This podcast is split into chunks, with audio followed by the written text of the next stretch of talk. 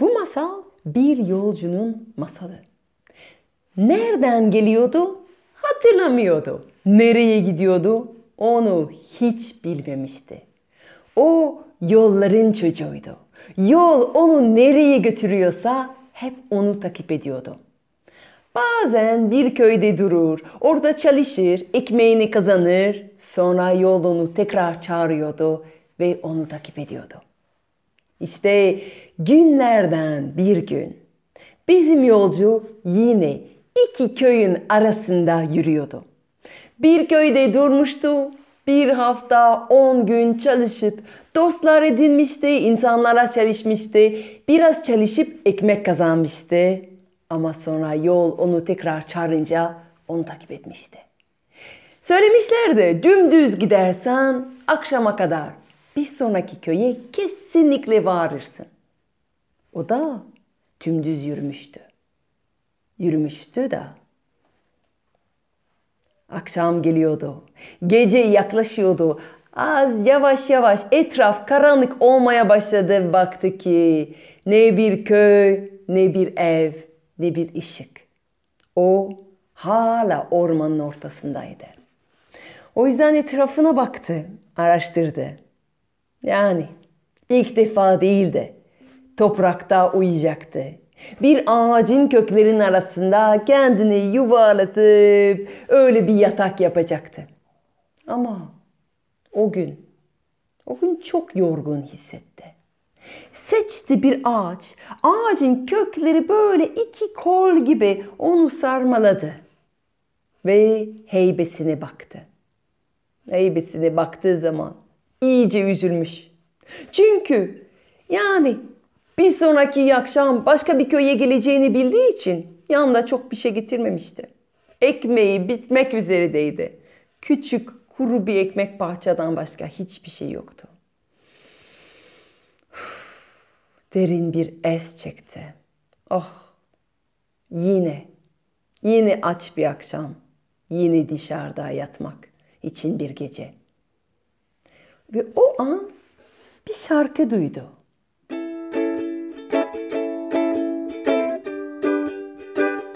Şarkı ona ne diyordu biliyor musun? Ne istiyorsun, ne özlüyorsun, kalbine sor ve dinle, sonra hayretle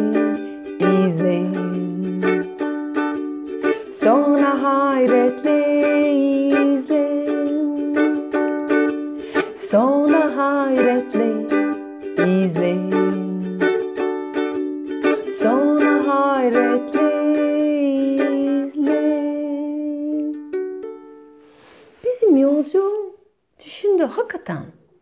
Ben ne bulmak isterdin ki bu heybe içinde?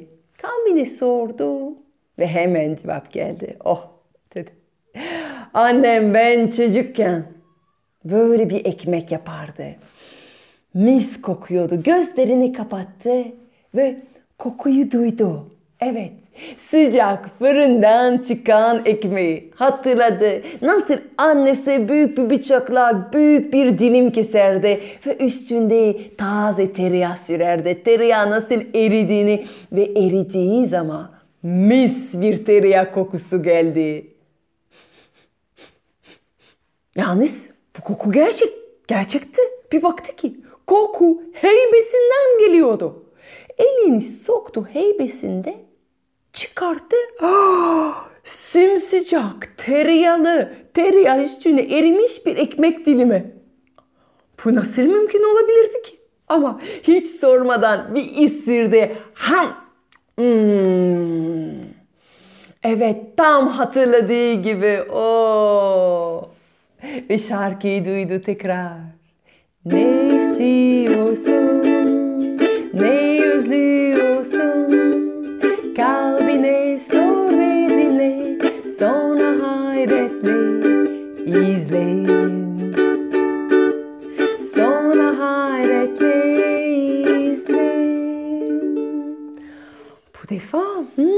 düşündü. Oh Esas, esas annem güzel günlerde bizim bizim elma ağacından elmalar topluyordu. Ondan sonra onları kesip ondan elma turta yapıyordu. Dilim dilimleri itina ile dizerdi. Üstüne tarçın serpişirdi.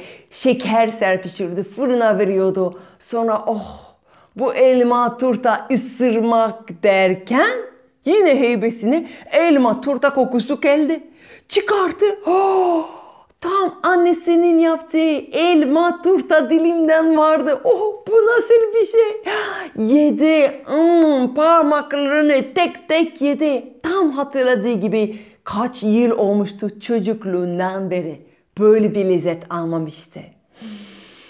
Oh, o zaman o zaman hatırlamaya başladı. O zaman özlemeye başladı. O zaman istemeye izin verdi kendine. Bütün hayatında yediği, tattığı ve tatmadığı bütün lezzetler. Oh dedi. Ben ne isterim biliyor musun? Bir sofra isterim. Bir bir sofranın üstünde bir masa örtüsü olsun beyaz. Hiç bana denk gelmedi onlardan ama güzel bir sofra örtüsü olsa. Bir de üstünde rahat oturmak için bir koltuk. Hep yerde oturuyorum. Bir de rahat bir koltuk olsun, minderler olsun. Oh dedi bir çorba olsun, simsıcak, içinde bandıracak bir ekmek mantı olsun. O büyük etli mantılardan, üçgenlerden, üstünde tereyağı, üstünde yo yoğurt olsun, nane olsun, sumak olsun. Oh, bir de isterim. Biliyor musun? Hmm, dolma, dolma, taze hala tencereden sıcak olan etli dolmalardan isterim. O ısırırım, ısırırım, saydı, saydı ve gözün önünde o sofra kuruldu. Masa örtüsüyle, dolmasıyla, mantısıyla, salata, içli köfte yok yoktu o sofrada. Yedi, yemedi, tattı, tatmadı. Bütün lezzetler vardı sofranın üstünde. Böyle çocukça bir sevinçle, bir heyecanla oturdu. Oh rahat, minderli bir koltukta ve hiç sorgulamadan yemeye başladı. Aman, aman bu da nasıl lezzetliydi. Demek ki doğruydu. Oh ben hiç tatmamıştım onlardan. Ne güzel ne güzel diyerek yedi yedi. Aa, üstünde bir çay istedi. Kıpkırmızı geldi. Duman üstüne. Ah, bir rahatladı. Ah dedi. Şimdi tabii ki böyle bir yemeğin üstünde sert toprak üstünde yatmak da çok zor. Keşke benim, keşke benim güzel bir yatağım olsa. Taptaze çarşaflarla, hmm, sabun kokan, sert çarşaflar olsun üstünde. Ben, kaz tüyü bir yastık üstünde yorgun kafamı bir koyabilsem. Ve gözün önünde o yatak oldu. Taptaze çarşaflar, kaz tüyü yastıkla girdi çarşafların arasında, yorganın altında koydu kafasını kaz tüyü yastıkta. Ah.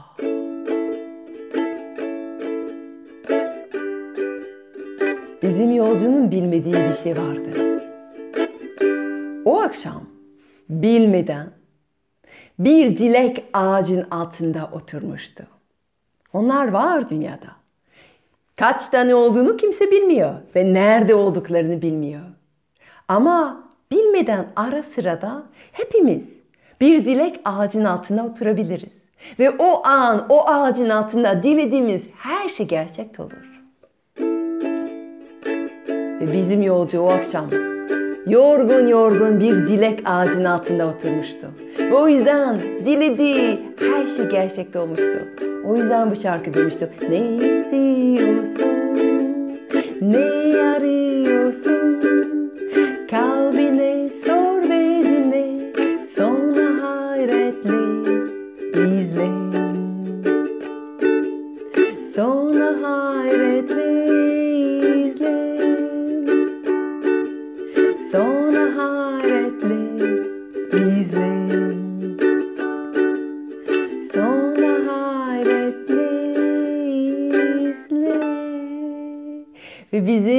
Yolcu tok karnı ile yumuşacık yatağın içinde girdi ve şu ana kadar hiçbir şey sorgulamamıştı.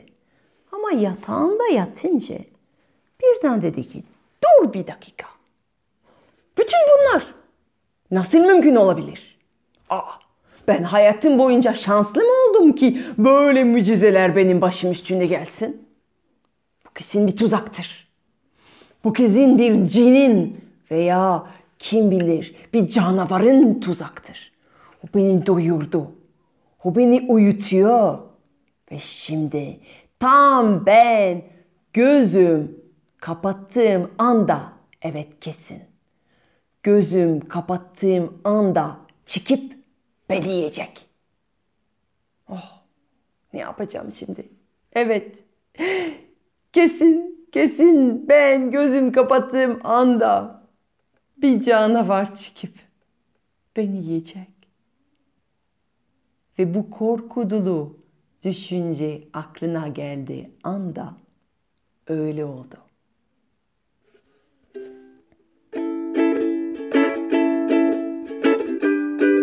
Evet.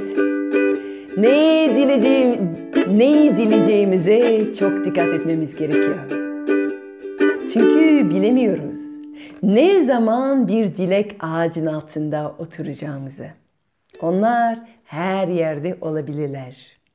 Ve her yerde sen de bu şarkı duyabiliyorsun. Ne istiyorsun, ne özlüyorsun, kalbine sor ve dinle, sonra hayretle izle.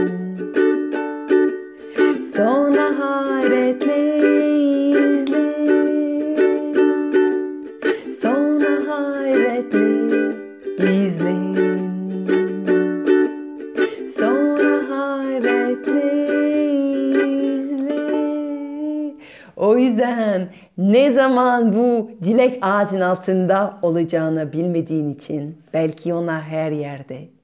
O yüzden gönlün ferah tut ve kendin için, çevren için, dünya için, doğa için güzel dilekler tut. Kim bilir belki şu an sen bir dilek ağacın altındasın.